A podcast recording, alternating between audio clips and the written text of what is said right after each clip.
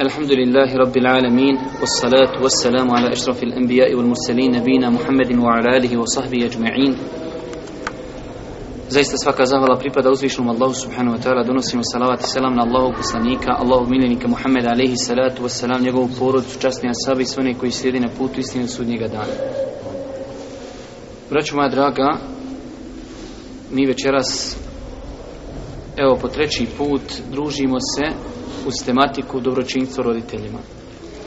Evo nekoliko napomena u samom početku. Prošli put smo imali jedno duže predavanje i ja sam svakako odlučio nemoguće je da čovjek drži predavanje od Akšama do pošto je sad period od Akšama do malo duži, tako da ćemo mi imati predavanja od 45 minuta do, do sata, inšala, nećemo nikako više, tako da onaj, bit će i vremena da čovjek ako želi ili iziđe ili da uči Kur'an radi nešto onaj do Jacije. Također od napomena vi vidite da ovo prvo poglavlje ide prilično sporo, ali braćo nemoj da pomisli neko i vidjet ćete večeras iz ovog poglavlja koji imamo da li se dijete može roditeljima ikako odužiti. Nemoj da neko pomisli da je dugo ovo što već tri predavanja govorimo o dobročinstvu prema roditeljima i govorit ćemo možda još dva i tri predavanja. To su samo dva ili tri sata koja mi sjedimo kako bi naučili prava naših roditelja kod nas.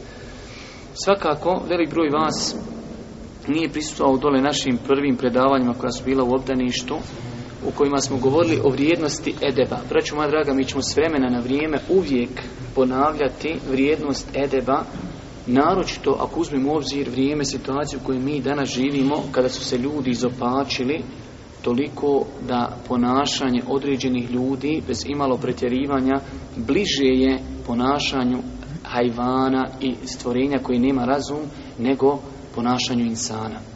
Zato ova naša vjera na toliko veliko mjesto stavlja edeb, ponašanje, ponton, do te mjere znači da sjećate se da Allah poslani kaže u vredosnom najteža stvar koja će se staviti na mizanu na sudnjem danu jeste lijepo ponašanje. Allah poslanik alaihi salatu wasalam kaže čovjek svojim lijepim ponašanjem može dostići deređu postača, klanjača koji po danu posti najveći klanja.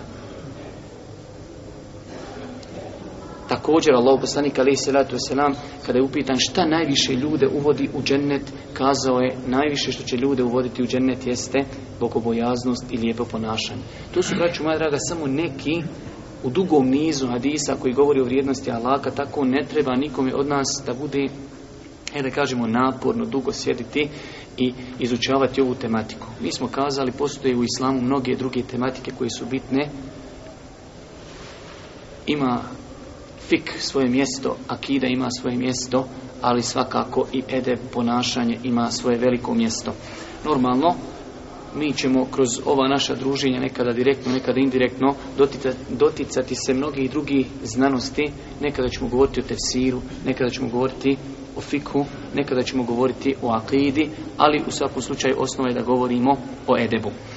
Kao što znate, u prošlom predavanju i pretprošlom govorili smo, u prvom smo govorili općenito o naredbi dobročinstva prema roditeljima, nakon toga rekli smo također da imam Buharija i Alihi bio je prepoznatljiv po tome da je dobro znao poredati cjeline u određenoj knjizi.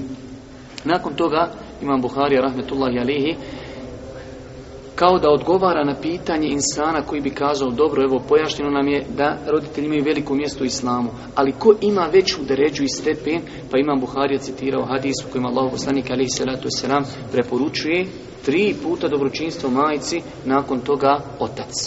E, tu smo se zaustavili. Nakon toga, kako se očevi ne bi, ajde kažemo, osjećali zapostavljenim, a isto tako da neko ne bi pogrešno shvatio, Imam Buharija, onda isti taj hadis citira samo pod drugim naslovom. I kaže dobročinstvo prema ocu. I isti taj hadis, samo ovog puta taj hadis prenosi Ebu Hureyre od Božih poslanika, kako bismo mi shvatili znači iz tog hadisa ne samo naredbu prema majci dobročinstvo, tri puta majka, ali nakon toga otac. Tako da niko ne treba da se osjeća zapostavljenim, već smo samo kazali da majka ima prednost nad ocem, ali to nikako ne znači da ne treba činiti dobročinstvo prema ocu, jer rekli smo prvenstveno njega obuhvataju svi hadisi i ajeti u kojima je naređeno dobročinstvo roditeljima, a s druge strane imamo jasan hadis je kaže Boži poslanik majka, majka, majka, nakon toga otac. Tako, braću moja draga, onaj, pogotovo što je ovdje u pitanju muška populacija, onaj, veoma je bitno da tu stvar riješimo. Nakon toga, ja želim večeras, iako ćemo možda ovu stvar malo i izbaciti iz prakse, ali večeras to nikako nismo mogli, zbog veličine autoriteta osobe s kojom se družimo, ovaj hadis drugi rivajec znači ovog hadisa, Ebu Hurire radijallahu ta'ala prenosi ovaj hadis od Božih poslanika. Mi ćemo se ukratko večeras upoznati sa ovim velikim herojem, junakom, ne znam kako da ga oslovim, znači ne mogu da nađem adekvatnu riječ kojom ćemo mi dati sva prava imamu ashabu Ebu Huriri. Ebu Urejre, braću moja draga, kao što imate ovdje u knjizi u Fusnoti, je napisano u pogledu njegovog imena, islamski učenjaci imaju oko 30 različitih im, onaj, mišljenja. Ali mi znamo, znači, Ebu Hureyre, sad njegovo ime kakvo je, nije to toliko bitno, znači, Elhamdulillah, ne postoji razilaženje u pogledu te ličnosti, samo kakvo je bilo njegovo ime. Vidjet ćete, veoma je bitno da se govori o ovom ashabu. Ebu Hureyre. Šta je Ebu Hureyre? Hureyre je, braću moja draga, u mačkica. Imate vjerodostojnu predaju kod imama Tirmizije da je došao Abdullah ibn Rafija i kaže Ebu Hureyri što su tebe nazvali Ebu Hureyra? Kaže ja sam čuvao, kaže, goveda svojoj porodici imao sam jednu malu mačkicu s kojom sam se igrao. Po noći kada bi ušao spavati, ja bi nju digao na drvo i ona bi tu čekala sutra dan. Kad sutra dan dođem, ja kaže uzmi mi cijeli dan sa mnom, čuvala je ovce, igrao sam se sa njom i tako ljudi su me nazvali Ebu Hurira. To je znači da imate jedan podatak zašto se Ebu Hurire zove Ebu Hurire. Reću, moja draga, njegova biografija je i kako potrebna nama u današnjem dobu, naročito ljudima koji, ajde kažemo, dolazi na ovakva mjesta, traži znanje, poslanica Allahog poslanika, život, znači vremena poslanstva je trajao koliko? 23 godine. Znate li koliko od toga je Ebu Hurere živio sa Božim poslanikom? Tri godine samo. Samo tri godine Ebu Hurere živio sa Božim poslanikom. A najviše hadisa prenosi. Znači, Ebu Hurere, braću moja draga, jedan živi primjer kako se u kratkom periodu može naučiti mnogo toga. Ali vidjet ćete, nemoj da mislite, Ebu Hureyre cijeli dan odo, šeto, uživo i to znanje samo došlo. Ne, vi ćete, braću moja draga, šta je imam ashab cijenjeni i uvaženi Ebu Hurere podniju na tom putu sticanja znanja. Ali mi danas nakon 1400 godina sjedimo i spominjemo Ebu Hureiru. A da je Ebu Hurere sjedio tamo negdje u vladu, nastojen na cipelu, ne bi mi njega spominjali. Znači, on je tom ilmu, znanju, dao sve od sebe, pa mu je znanje dalo jedan dio. Tako zapamtite pravilo, ako hoćeš znanje, moraš mu dati sve od sebe i ono ti da ne samo jedan dio. Dajte kako sve. Ti sada počni izučavati islamsku samoznanost, ti ćeš izučiti ali ćeš, nećeš imati vremena za geografiju, za hemiju, za fiziku, za informatiku, niješ moći stići. Pa i islamske znanosti. Sad počni izučavati fik i ti možda za deset godina ćeš naučiti mnogo toga. Ali gdje je tefsir, gdje je akida, gdje je ahlak i mnoge druge stvari. Tako, vraću moja draga, da biografija Ebu Hureyre je prepuna pouka i poruka. Pogledajte nas, koliko nas, evo već možda 3-4 godine živi u ovom gradu gdje imaju redovna predavanja, gdje ima ljudi od kojih može nešto naučiti. Koliko, koliko smo se mi u zadnje tri godine okoristili od tih ljudi? Jer pogledajte šta je Imam Ebu Hureyre postigao za tri godine do te mjeri da je dostavio ummetu hadisa više nego ashabi koji su živjeli sa Allahom poslanikom ali se ratu znači čitav period poslanstva. Imam Ezehebi u poznatoj svojoj knjizi Sjer al-A'lam al nubela to je znači jedna knjiga i lijepo je da se ovako nekada kroz predavanja, već sljedeći put ćemo također preporučiti jednu knjigu za čitanje, ova knjiga normalno ne može se prevesti, prevesti već treba naučiti arapski jezik da bi je čitali, ali to je jedna knjiga koju imam Ezehebi napisao biografije ljudi od Božijeg poslanika pa do 7. stoljeća. 22 toma otprilike se štampa kako kad Znači, to je jedna knjiga na koju se vraća čitav umet kada su u pitanju biografije i kada su u pitanju znači, informacije vezane za ljude. Kaže imam Ezehebi o Ebu Hureyri imamun, faqihun, mučtehidun, hafiz. Kaže, on je bio imam, bio je pravnik, bio je mučtehid, bio je hafiz svoga vremena. Kaže, on je bio sejidul hufazil esbat, on je bio prvak svih hafiza. prva svih hafiza. Na drugom mjestu u istoj knjizi on kaže kaže on je hafiz i nismo, kaže, nikada našli da je jednom samo pogriješio u hadisu. Nikada nije zabilježeno da je pogriješio. To kaže imam Evehebi za njega. A imam Zehebi, njegove riječi su kao što mu je ime. Zehebi znači zlatni. Njegove riječi su kao zlato. On je toliko bio pravedan, znači on kad govori o insanu, spreman je da spomeni njegove pozitivnosti, neka i spomeni i negativnosti. Tako da njegove riječi znači su kao zlato. Također, na drugom mjestu kaže ne mislu Ebi Hureyre. Ima li, kaže, neko da je primjer Ebu Hureyre? Ima li neko kao Ebu Hureyre? Kaže, u njegovom hipsu i u njegovom znanju. Zato ako pogledamo, braću moja draga, knjige vidjet ćemo znači hadisi Ebu Hureyre su svugdje. U akidi hadisi Ebu Hureyre, u fiku hadisi Ebu Hureyre, u tefsiru hadisi Ebu Hureyre, u poglavlju braka Ebu Hureyre, poglavlju znači vrijednosti određenih osoba, takozvani fadail il menaqib, opet hadisi Ebu Hureyre. Ne možeš otvoriti poglavlje bilo koje u islamu, a tu hadis Ebu Hureyre. Pogledajte jednu interesantnu činjenicu i ovo će nam trebati na kraju ako Bog da kada budemo govorili o sektama koje napadaju i vrijeđaju Ebu Hureyru. Kaže Ebu Hureyre, kao što je zabilježeno u zbirci imama muslima, dolazi mu Jezid ibn Abdurrahman i kaže mu Ebu Hureyre, tako mi Allaha. Allah nije stvorio ni jednog mu'mina, pa taj mu'min čuje za mene, a da me taj mu'min ne zavoli. Kaže, tako mi Allaha. Allah nije stvorio ni jednog mu'mina, pa taj mu'min čudni za mene, čuje za mene, a da me taj mu'min ne zavoli. Kako? I sad on priča, kako? Kaže, pita on ovoga, znaš ti, kaže, kako to čovjek, kako to? Zato kad vidiš čovjeka da vrijeđa ashabe i da vrijeđa Ebu Hureyru, tu treba dobar x staviti. Kaže, ja sam imao majku koja je bila mušrikinja. Pozivao sam ju u islam, ali kaže, ona je čvrsto odbijala. Jedan dan sam je pozvao u islam, kaže, i ona je, kaže, rekla o Allahovom poslaniku nešto što sam prezirao. Pa sam otišao Božijem poslaniku plaćući. Kaže, plakao sam i kazao sam Allahu poslaniće, dovi Allahu te bareke da uputi moju majku. To je velika korist, braćo moja draga, da čovjek i kad dobije uvredu, treba da nastavi u davetu, misionarstvu. Kao što Allah poslanik ratu se selam kada mu je došao Džibril ili kaže ovo je melek brda, hoćeš li da Taif nestani? Allah poslanik, mi, poslanik milosti i rahmeta kaže ne, ne, ne.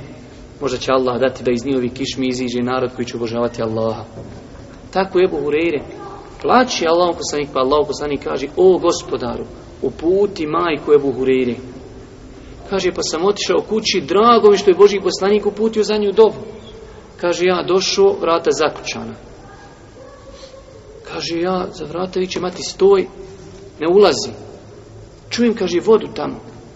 Kada, kaže, prošlo malo vremena, ona izlazi, okupala se, obukla, odjeću i kaže, ešhedu en la ilaha illallah, ašhedu enne muhammeden abduhu wa rasuluhu. Kaže, pa sam otišao ponovo poslaniku plaćući, sad od dragosti, kaže, a malo prije od žalosti. Kaže, pa sam rekao Allahu poslaniće, moli Allaha, moli Allah tela da zavoli svi mu'mini mene i moju majku. Pa Allah poslanik se se nam uputio do ovog gdje kaže, o gospodaru, učini da ovog tvog groba i njegovu majku voli mu'mini i da oni voli mu'mine. A dova Allahog poslanika je svakako primljena i znači to vam je jedan šablon. Čuješ da čovjek govori protiv Ebu Hureyre, to je, braćo moja draga, znači veliki upitnik na njegovom imanu. Jer ovdje se baš odnosi, znači, kaže, učini da ga voli mu'mini i da i on voli mu'mine. Od njegovih vrijednosti, dovoljno je njemu vrijednosti, braćo moja draga, ummetu i ne zadužio čitav umet da dovi za njega to što je dostavio ovom umetu, tolike hadise, i vrijednost njegova se vidi kroz ovu dovu. Također imate hadis da je došao Allahom poslaniku alaihi salatu wasalam, vjerodostan hadis se kaže Allahom poslaniće, ko je najprioritetniji, ko će biti najsretniji tvojim zauzimanjem na sudnjem danu. Pa kaže Allahom poslanik alaihi salatu wasalam, kaže Pomislio sam, kaže, o Ebu Hureyre, da me niko neće tu stvar upitati prije tebe. Jer vidio sam, kaže, koliko ti, kaže, tragaš za istinu i za znanje. Pogledajte pohvali. Kaže, pomislio sam da me niko prije tebe neće upitati tu stvar. Jer sam vidio koliko se trudiš. S tri godine stekao mnogo znanja. Pa kaže, najsretniji insan mojim šefaatom, na sudnjem danu je insan koji kaže La ilaha illallah iskreno iz svoga srca. U njegovoj biografiji možete naći također da je bio izuzetno pobožan. Prenosi se u njegovoj biografiji da je imao ženu i da je imao slugu. I u njegovoj kući se non stop zikrilo. U cijelu noć se klanjalo, on klanja prvu trećinu, budi svoju ženu, ona ustaje, on legne i spava, žena kad klanja trećinu, budi slugu i sluga klanja zadnju trećinu. Tako da se cijelu noć u kući Ebu Hureyri klanjalo. A pogledajte samo ovaj vjerodostan hadis koji zabilježi imam, Ebu, e, imam Buharija, rahmetullahi alihi, koji će vam kazati šta je imam, imam Ebu Hureyre podnio na putu traženja znanja. A to je samo jedan od primjera, spomenut ćemo još jedan.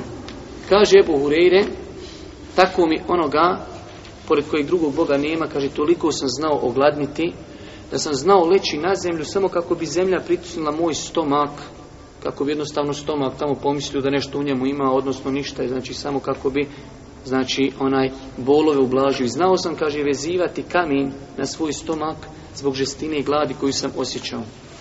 Pa kaže, jednog dana sam žestoko izgladnio, pa sam stao na put kojim prolaze ljudi. Pa je naišao Ebu Bekr, ja sam ga, kaže, pitao jedan ajet da mi protumači, ja kaže, znao sam tumačenje tog ajeta, sam sam ga pitao, ne bi li on skonto da sam ja gladan.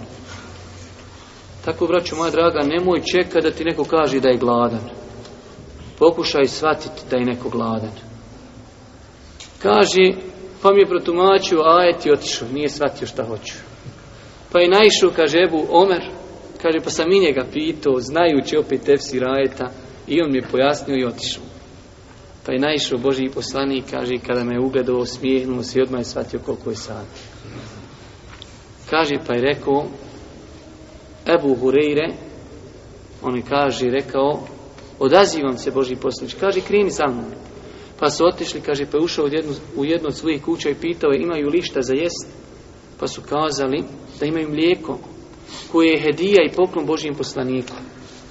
Kaže Ebu Hureyre, pa je Božji poslanik rekao, kaže, idi tamo i zovi stanovnike Sofi, stanovnici Sofije Fukare, znači niko ništa nema, kao što je došlo u vjerodostojnim hadisima, on će 40 godina prije ostali ući u džennet.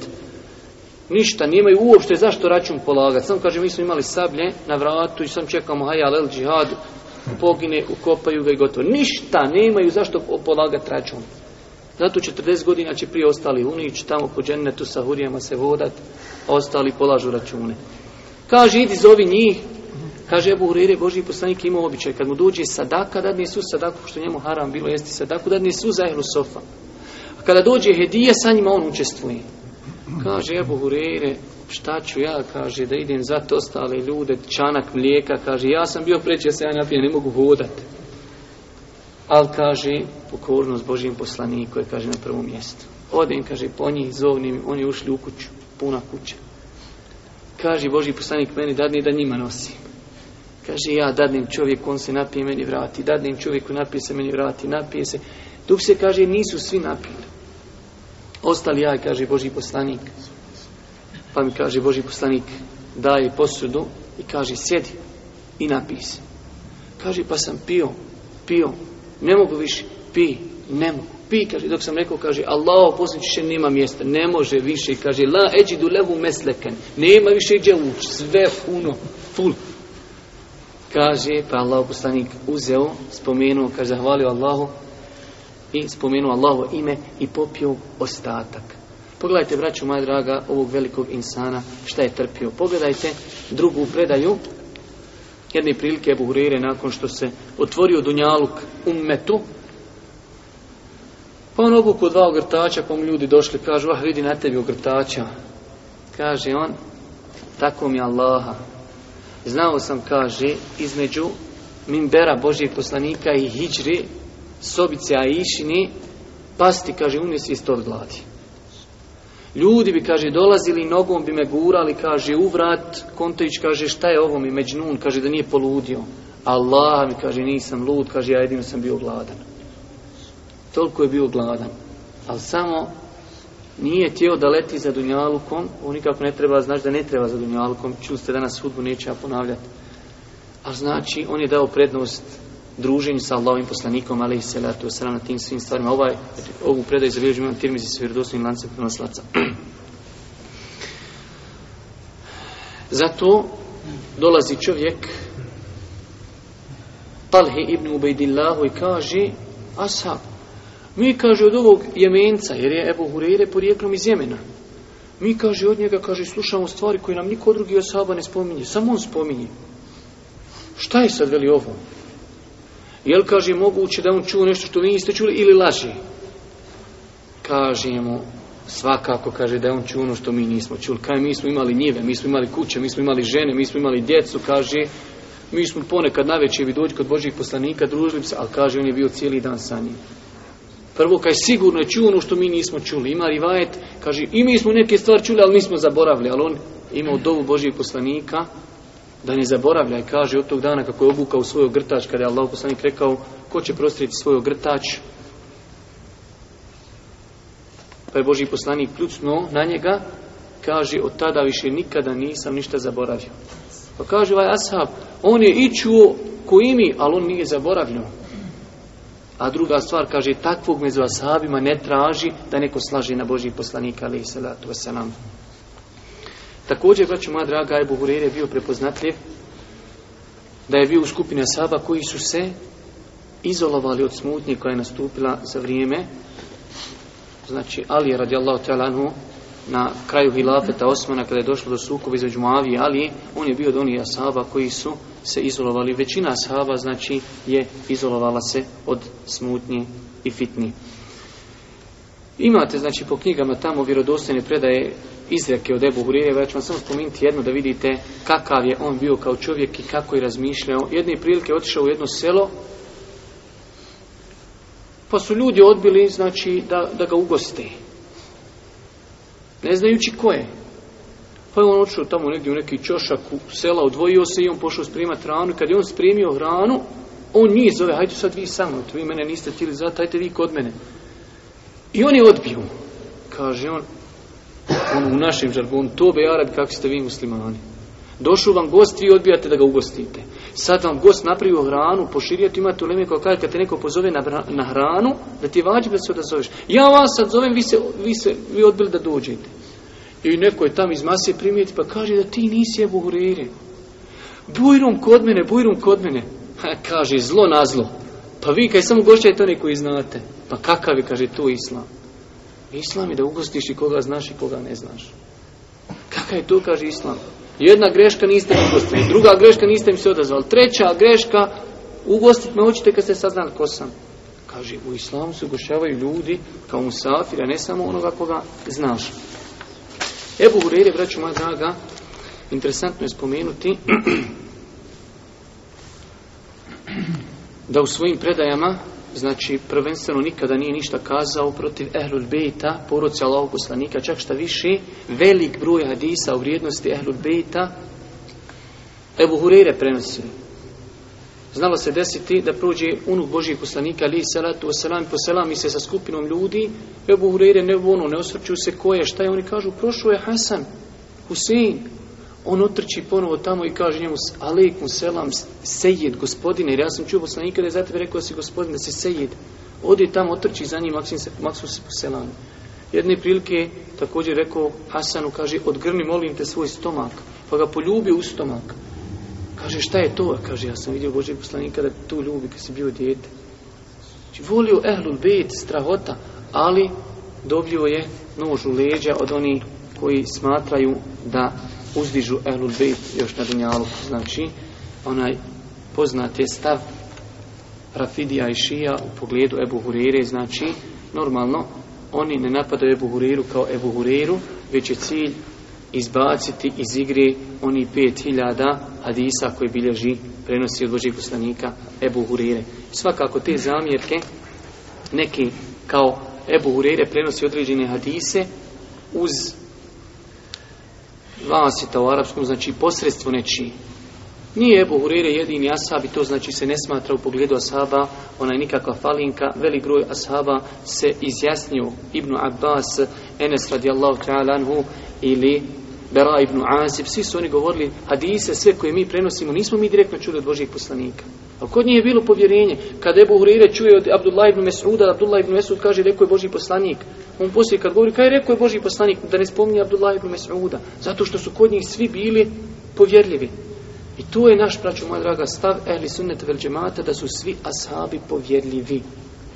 Svi ashabi su povjerljivi. To kada ashab izbriši ashaba, u lancu prenoslaca to ne smijete zato što su oni kulluhum udul. Čak kad ti kaže tabi'in, Čuo sam od jednog ashaba, ne spominjem mu ime uopšte, kaže, jedan od ljudi koji se družio sa poslanikom je rekao, ne pita više gotovo, taj lanac prenoslaca je vjerodostan što se tiče toga.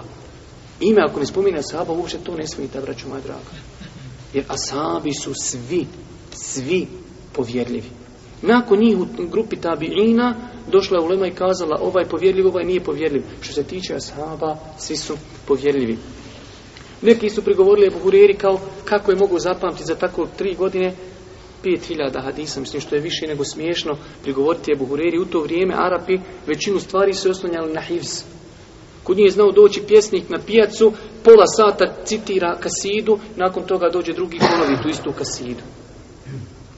Znači tu kod njih uopšte nije ona uopšte bila znači nekakva stvar. Ebu Hureri imate vjerodostojnu predaju od njega Mervan ibn Hakem je bio namjesnik Medine jedno vrijeme, pa je zovno Ebu Hureru jedan dan da citira hadise. Ali Ebu nije znao, stavio on tamo negdje iza zastora pisara. I u njega, znaš li hadis posto, postu ponedjeljka i četvrtka? On kaže, rekao je Boži poslanik to i to. A onaj tamo piše, ali ne zna Ebu Hurere ništa. Znaš li po, dan, po, onaj Adis o danu Arefata, rekao je Boži poslanik. Znaš li hadis o tome? A ovaj vamo piše.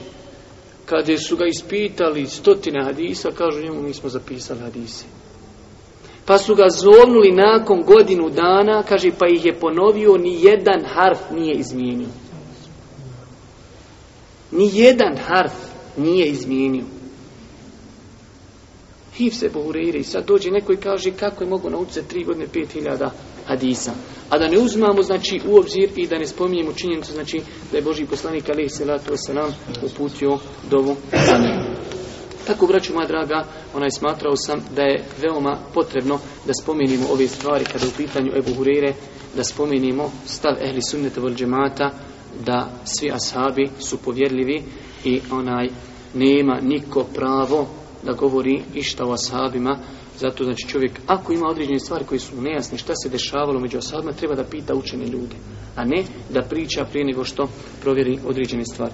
Znači ovaj hadis koji prenosi imam Ebu, e, Hurire, radi Allahu ta'ala anhu, mi ga nemamo šta sad spomenuli smo njegov komentar u prošlom predavanju, Allah poslanik Ali sam je upitan kom je da se čini dobročinstvo, pa je kazao majci, majci, majci, a nakon toga ocu. Nakon toga, vraću moja draga, imamo poglavlje pokornost roditeljima čak i ako su nepravedni. Hadis u ovom poglavlju, znači, kojeg je citirao Imam Buharija, Šiha Albani za njega kaže da je daif. Mi ćemo ga samo pročitati i kratko ćemo se osvrnuti na ono što znači, što ima u svome značenju, zato što značenje tog hadisa je potvrđeno sa drugim vjerodostojnim hadisima. Kaže Ibn Abbas, nema tog muslimana koji je, koji je bio poslušan svojim roditeljima radi Allahovog zadovoljstva, da mu Allah neće otvoriti oba džennetska vrata ili oboja ili samo jedna ako ima samo jednog roditelja a ako rasrdi jednog od njih Allah neće biti zadovoljan sve dok taj roditelj opet ne bude zadovoljan evo vidite ovo je znači hadis daif ali malo prije smo prošli jer smo imali hadis da kaže Allah zadovoljstvo roditelja u zadovoljstvu zadovoljstvo gospodara i zadovoljstvo roditelja. Tako da, znači, ovo značenje hadisa imamo u drugom vjerodostojnom hadisu. Pa čak kaže, čak i ako su nepravedni prema njemu, upita neko, čak i tada potvrdi Ibn Abbas. Imamo tako isto, znači, onaj, kak se zove, drugi hadise u kojima se naređuje, vidjeli ste kuranski ajet, gdje Allah Đelšanu kaže, a ako te budu pozivali da meni nekoga pripisuješ širk, širk je najveći zulum. Allah Đelšanu kaže u Kur'anu, inne širke la vulmun azim, širke najveća nepravda. Allah Žešanu kaže, te budu pozivali na najveću nepravdu, nemoj im se, u tome pokoriti, ali i dalje na dunjalku o sahibhuma fit dunja ma'rufa. Tako da znači, braću moja draga, to ako roditelj poziva dijete u zulum, u nepravdu, u kufr, u nevjerstvo, to nijukom slučaju ne isključuje da čovjek čini dobročinstvo svojim roditeljima. Tako da ova predaja, znači, u osnovi je daif, ali ono što ona potvrđuje jeste da, znači, zadovoljstvo gospodara je u zadovoljstvu roditelja i da je obaveza se pokoriti roditeljima, makar i oni činili svome djetetu zulum, znači to su stvari prisutne u drugim onaj hadisima, kuranskim ajetima, tako da onaj, ako Bog da, može se kazati da značenje ove predaje vjerodostojno ako Bog da. Nakon toga Imam Buharija rahmetullahi alihi dolazi nakon što je pojasnio obavezu pokornosti roditeljima, nakon što nam je pojasnio koji je prioritet, e on sad pojašnjava određeni način kako čovjek da čini dobročinstvo roditeljima. Pa imate predaju koju ćemo se ako Bog da malo zaustaviti, nećemo dužiti. Taj sala Ibn Mejjas priča, bio sam sa sljedbenicima Neđda. Neđd imate dole u fusnoti Ibnu Amir el Hanefije, on je bio jedan od vođa Haridžija. Kaže ovaj insan, bio sam, kaže ja, sa tim ljudima, sljedbenicima od tog Neđda. Kaže, i uradio sam s njima, po mom mišljenju, velike grijehe. On priča o sebi. Kaže, ja sam bio sa tim ljudima, pa sam uradio određene grijehe. Ja, kaže, smatram za te grijehe da su oni veliki grijesi. Pa nastavlja, to sve sam ispričao Ibnu Omeru. Spomenuo mu grijehe, ispričao mu šta se desilo, pa mu kaže Ibnu Omer, nisu to veliki grijesi, njih ima devet. Mi ćemo govoriti ako Bog da sljedeći predavanje će biti nepokornost roditeljima, neposlušnost roditeljima, pa ćemo govoriti o velikim grijesima šta je veliki grijeh, vrste velikih grijeha, govorit ćemo inšala oko toga da li su oni ograničeni u devet. Govorit ćemo o knjigama koje su napisane u tom poglavlju, ali Ibn Omer kaže njemu to što si ti učinio, vidjet ćete, znači, zašto je on to shvatio. Živio je u društvu Haridžijskom, a Haridžije su, znači, vi znate da je od njihovog, njihovog akideta da počiniti od velikog grijeha u džehennem do doživotno. Uvijek, vječno ostaje u ženu. I on je s njima, družeći se, poprimio određene viruse. I onda on kaže, ja sam uradio određeni grijeh, ja sam to smatrao da je to veliki grijeh. Kad je došao Ibnu Omeru, kaže mu Ibnu Omer, ne, ne, ne, to nije veliki grijeh. Ovaj grijeh koji on počinio nije spomenut i ne treba da se spominju grijesi ako nema potrebi za Pa mu Ibnu Omer kaže, veliki grijesi su devet. Pripisivati Bogu sudruga, znači širk, ubijstvo, bespravno ubijstvo, svakako, bježanje sa bojnog polja, potvora nevinih. E ovdje potvora nevinih, znači prijevod, ja bi malo korekciju napravio, potvora nevinih žena, jer ovdje u arapskom došla je riječ u ženskom rodu, tako da pravilnije, ako Bog da, se prevede, kaful muhsa, muhsane, potvora čestite žene muslimanke. Jesti kamatu, također uzurpirati jetimsku pravo i njegov imetak, oskrnaviti svetost mešćida. Ovdje, otkud prevedioci, provodioci ovdje mešćidul haram, ja zaista ne znam. Znači u arapskom se kore kaže wa ilhadu fil da se oskrnavi svetost mešćida, otkud prevodiocu ovu Mešćidul Haram, ja ne znam, možda je negdje iz nekog komentara našao. Izrugivanje ljudima i roditeljska suza, kaže, zbog nepokornosti. Zato je Ibnu, e, zato je Imam Buharija spomenuo ovu predaju u ovom poglavlju, braćo moja draga, ovdje gdje kaže roditeljska suza zbog nepokornosti. I onda kaže Ibnu Omer, govorit ćemo ako Bog da sad komentar, sad ćemo malo ovu predaju iz početka, li se ti, kaže, vatri i želiš li džennet? Ma kako ne želim, svakako da želim. Tu je cilj svakog čovjeka mukmina Kaže, jesu ti roditelji živi? Pogledajte, Ibn Omer po drugi put. Znači oni su tu naučili od Božijeg poslanika? Kod njih ti je roditelj, njegovo mesto je veliko svijeto. Počinješ bilo kakav bije prvo se te pita imaš li roditelja? Imam. Samo kod njih, njima čin dobročinstvo, to briši, habibi, ne mora ništa bolje obrisati. Kaže, jesu li ti roditelji živi? Kaže, samo majka. Kaže Ibn Omer, tako mi Allaha, kad bi joj se blagim riječima obraćao i kad bi, kad bi je, znači, hranio, ovdje je prevedeno, kada bi je izdržavao, sigurno bi ušao u džennet ukoliko se bude čuvao velikih grijeha. I ova stvar, znači, zbog toga je citirao, imam Buharija također ovaj hadis, gdje on kaže poglavlje blage riječi roditelju. Način dobročinstva roditelju jeste jedan od načina blago obraćanje. Dosta se puta dešava da roditelj nije potreban i metka. Ali roditelju potrebna pažnja. Roditelju potrebna blaga riječ. Da sa njim porazgovaraš, da ga nazoveš, da ga upitaš. I vidjet ćemo još neke ovaj, primjere koje imam Buharija, i alihi, spomenuo. Braću moja draga, ova predaja, u njoj bi se moglo toga mogu kazati, ali mi ćemo skratiti, jer ja sam evo uzeo sebi malo sa obavezom da malo brže idemo preko ovih predaja. Pogledajte ovog čovjeka, Družuje se sa ljudima i od njih je poprimio određene viruse. Zato islamski učenjaci kažu čovjeku u životu treba da pazi ko će mu biti prijatelj. Lovo poslanik kaže u Adisu, čovjek je na vjeri svoga prijatelja. Nemojte, braćo moja draga, da se igra neko i da glumi heroja. Allah poslanik kaže čovjek je na vjeri svoga prijatelja. Zato neka svako od vas pazi s kime prijatelju. Kaže, znam ja da je on u dalaletu, ali svaki dan sa njim piješ kafu. Ne može. To je ti sa njim poselamiš, selam, ali brate, treba ti krvi, evo krvi. Treba ti para, evo para. Treba ti ošlepat auto u redu. Ali da ja s tom pijem kafu svaki dan, ti kod mene, ja kod tebe, virus su opasne stvari. Zato kaže Boži poslanik, neka svako pazi s kime će prijateljovati. I ovaj čovjek, Allah mu ukazao rahmet i milost da je otišao Ibnu Omeru. Pa mu Ibnu Omer rasvijetlio određene stvari.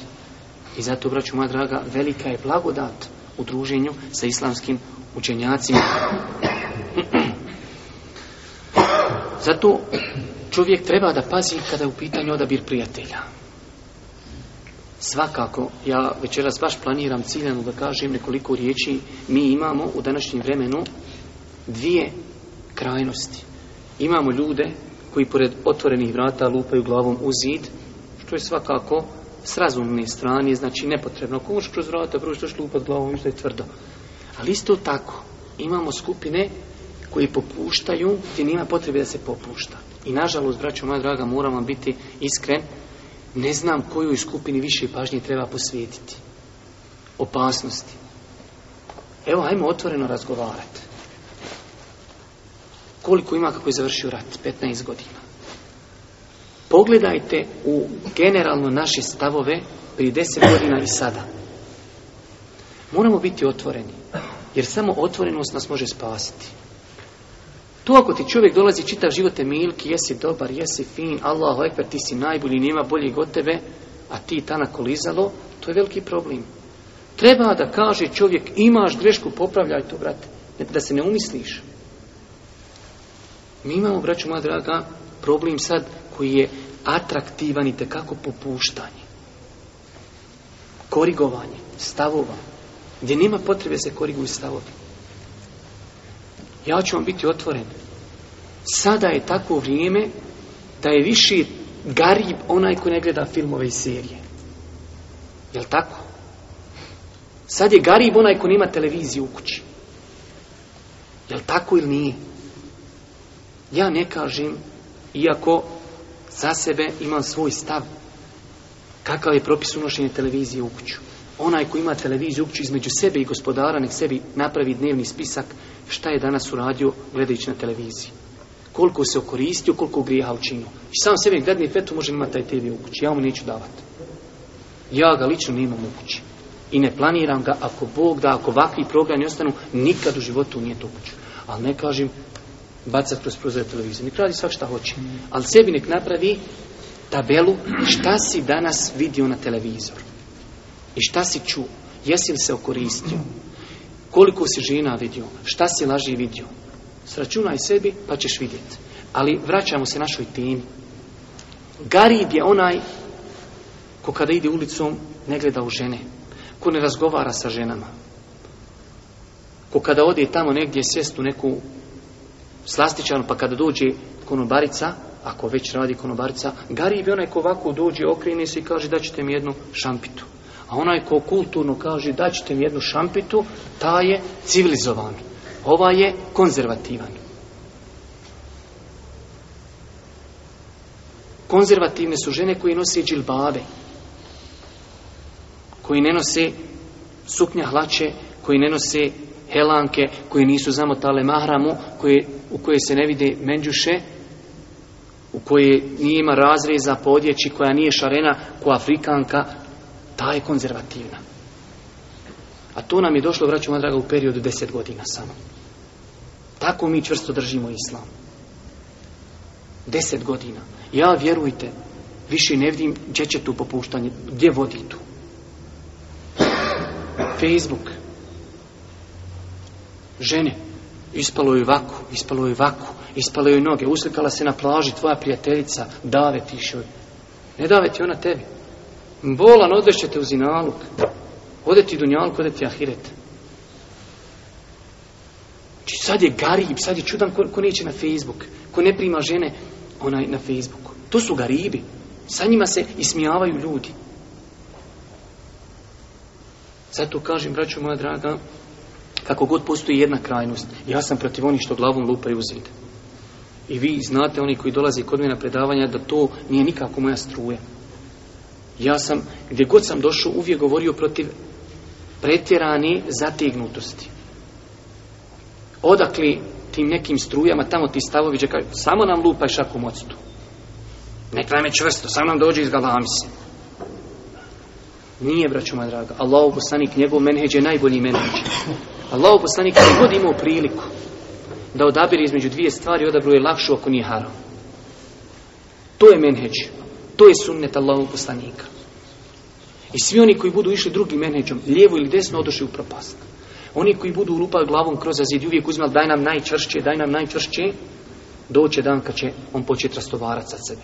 Ali kad počne rastovarati, on više rastovara bez ikakvog ograničenja. I isto onaj ko počne popuštat, kao što kaže Ulema, popuštanje i more bez dna. Kad počneš, nikako dodir dno, šetan samo kreši. Ma može, hajde, kad si gotovo se rukovo, može i ovo, kad opa, opa, samo kreši. Pa kad si ovo, pa hajde i ovo, Pa, ma nije, vezi, idemo. Samo se tušiš. Samo kad počni. Zato vam kažem, ovo što sad imamo na terenu, ću znači da vam navodim primjere šta imamo na terenu. Da imamo slučajeve Znači, svakakvi slučajeva. Šta sve imamo u pokućama, šta sve imamo u džematima, šta sve imamo u društvima našim. Ne govorim uopšte ljudi tamo masi, nama se obraćamo. Jer nam kellam. Salko ja nemam ništa sa njim, sa njim se ruku obio, sa njim se krlju. Ali Salko Zilđiću, šta mi imamo sa tim da gledamo njegov, boks? Zato što on tek bira kad uniđe. To nije razlog da, da čovjek gleda nešto što je šerijetom zabranjeno čovječe. Pusti se ti čovječe tamo neki pravaca, zato što je čovjek u šuring viće, bismillah, Allah, ekber, ti sad gledaš boksanje. Ko je dozvolio boksanje u šarijatu čovječe? Nema to. Igra Bosna, hajmo navijat za Bosnu. Pusti se bolan Bosni i Bosna. Nemaju drugog posla bolan. I tako, onaj ko ne gleda utakmice, vjerujte da je da je tu sad garib čovjek. Ko ne prati prvenstvo, taj je garib. Ko ne gleda Bog staje garib. Braću moja draga, naše stanje je jadno ako su takvi ljudi koji samo se čuvaju harama, kod nas oni svijeci. Kod nas je takvo sad stanje, vjerujte da je kod nas stanje, sam čovjek koji se jasni harama čuva, on gotovo, taj se smatra među najpobožnijim u društvu. Šta je pobožan, šta je ne gleda takvim utakmice? Tu takvi se prstom pokazuju braćo moja, ako nastavimo ovim intenzitetom, oni naše didove treba poljubiti se u čoveč. Oni su ono naučili, čovječ, on se drži ovako, nema kruha, onda sunete propusti, možeš ga obisiti. Nema. Ili klanjam sve, deset podnevski, ili ne klanjam ništa. Tako je. Ono što zna, u njega je sve vađib. U njega je sve parz. A mi smo sve neke počeli sunnet, gore, mekru, je li veliki grijeh ili mali grijeh gore, dole, ima li duleme da je to dozvolio? Ima. Uđi mu u tarabi i završena stvar. Mi ako naučim, ako nastavimo ovim intenzitetom rastovara, braću moja draga, za 10 i 15 godina od našeg islama neće biti ništa. Napravite analizu, napravite analizu 96. godina i napravite analizu 2010. Ja ne kažem da sve što je bilo 96. ja sam podizao svoj glas i podizat ću ga non stop protiv grešaka koji su napravili 96. Ima i stotine, ali govorim o našem imanskom stanju. Ti par dana mi čovjek došao, da Allah nagradi, kaže, Dero, ja sam prije nekoliko godina pošao klanjati. Kad sam, kaže, pošao klanjati redovu se i šta ja znam, jednom sam sjeo za televiziju i pogledao sam film oni tamo, filmovi neki e, od stari Jugoslavije, ništa, kaže, na njemu nema spornu u smislu, ono, hajde kažemo, žene, ljubavne scene, ništa. Neki je film, ne znam, ja, neka tamo onaj bitka, kaže, ja, kad se završio taj film, kad je, kad je Šeki Sašo, kad je Šeki Sašo, kaže, ja sam plaku, plakuo sam, kaže, tada, što sam ja jednostavno popustio, to sam pogledao taj film. Ništa, kaže, u njemu nije bilo. Kaže, ja sad sebe gledam. Sad razumiješ moje stanje katastrofa čovječe. I svi mi pogledajte naše stanje, svak vidi da ideš dole čovječe. Dajte mi čovjeka koji kaže za sebe, ja sam u zadnje dvije godine idem gore. Pa ću da vam kažem, ovo je emanet, vjera je emanet. Da su Osavi se ponašali ko mi, da su u 15 godina rastovarili koliko smo mi rastovarili, ne bi Islam ošao iz Medine niđe. Ne bi on otišao do Beća gore, bi ošao do Kini. Gdje je sve otišao? Znači, braću moja draga, ova stvar, odabir prijatelja, oni koji će te pomoći, oni koji će te nasavjetovati, oni koji će te nakritikovati, takvi prijatelje treba tražiti. Čovjeka koji će treći, ahi, Allah te nagradio, imaš pri sebi to i to. A i ti meni slobodno kaži ono što imam pri sebi. To je pravi prijatelj. To je pravi ahi. Onaj koji te milki lažno, bježi od njega. To je bolestan insan. To je već virus. Bježi od njega. Normalno, istina je teška, istina boli.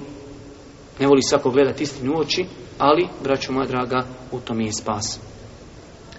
Pogledajte ovaj događaj i tu vam je isto jedna velika poenta ovaj čovjek Allah ga počastio da je ošao kod Ibnu Omera, pa mu on razjasnio njegovu situaciju. Inače, pravilo novotara je udalji svoje sjedbenike od ulemi. Jer kad ti sjediš pred ulemu, gotovo, sve će postati jasno ako Bog Zato, ja nijem namjeru ovdje sad da ja prozivam sekte, sad ispade ja pokupio pamet cijelog svijeta. Ali pogledajte, jedna od najvećih problema sufija jeste tu še hađi, bubaj, je rekao tako. Nema, vi bi da smiješ pitat više. Šuti, klimaj glavom, probadaj se, zabadaj se, upadaj na glavu, šuti.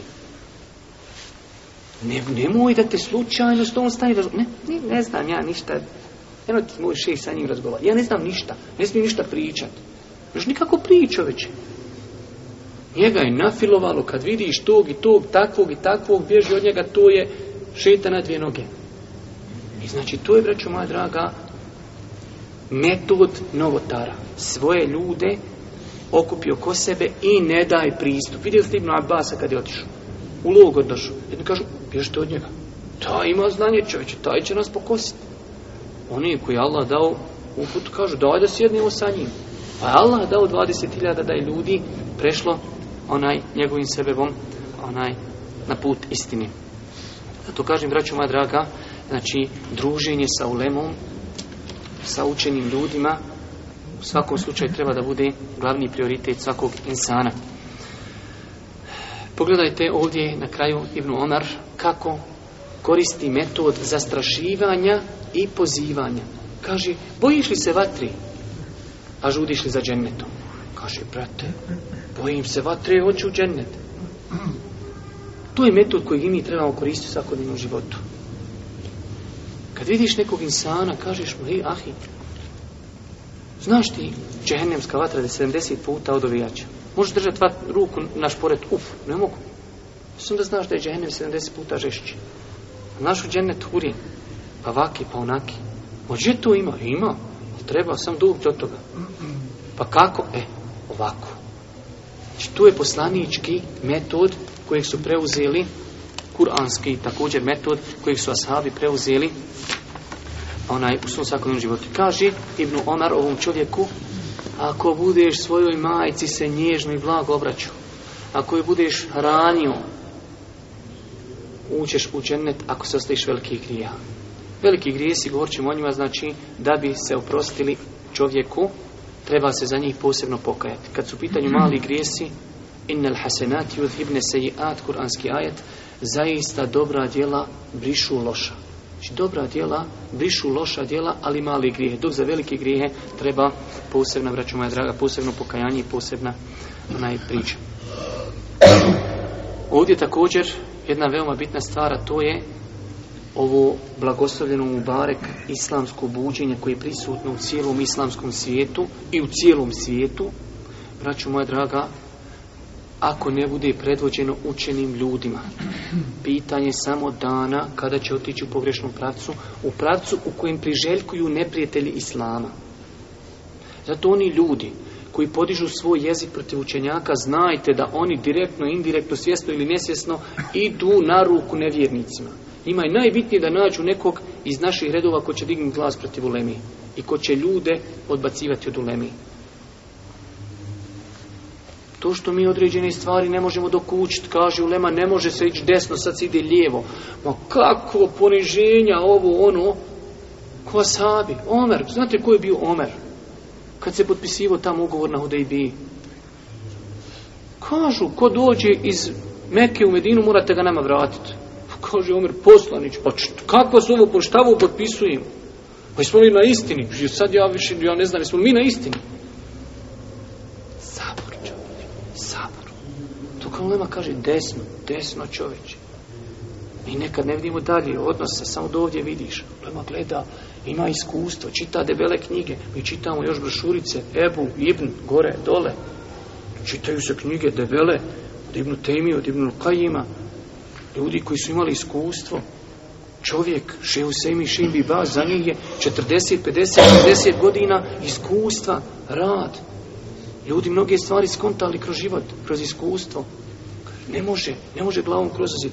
vrata i prođeš kroz vrata. Znači, praću, moja draga, ovo zapamtite.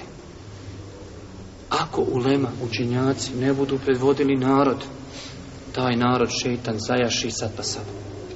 Također, nakon što smo govorili o dobročinstvu roditeljima, nakon što smo govorili o nekim načinima dobročinstva roditeljima, kao da imam Buharija hoće da ti kaži ovim naslovom باب جزاء الوالدين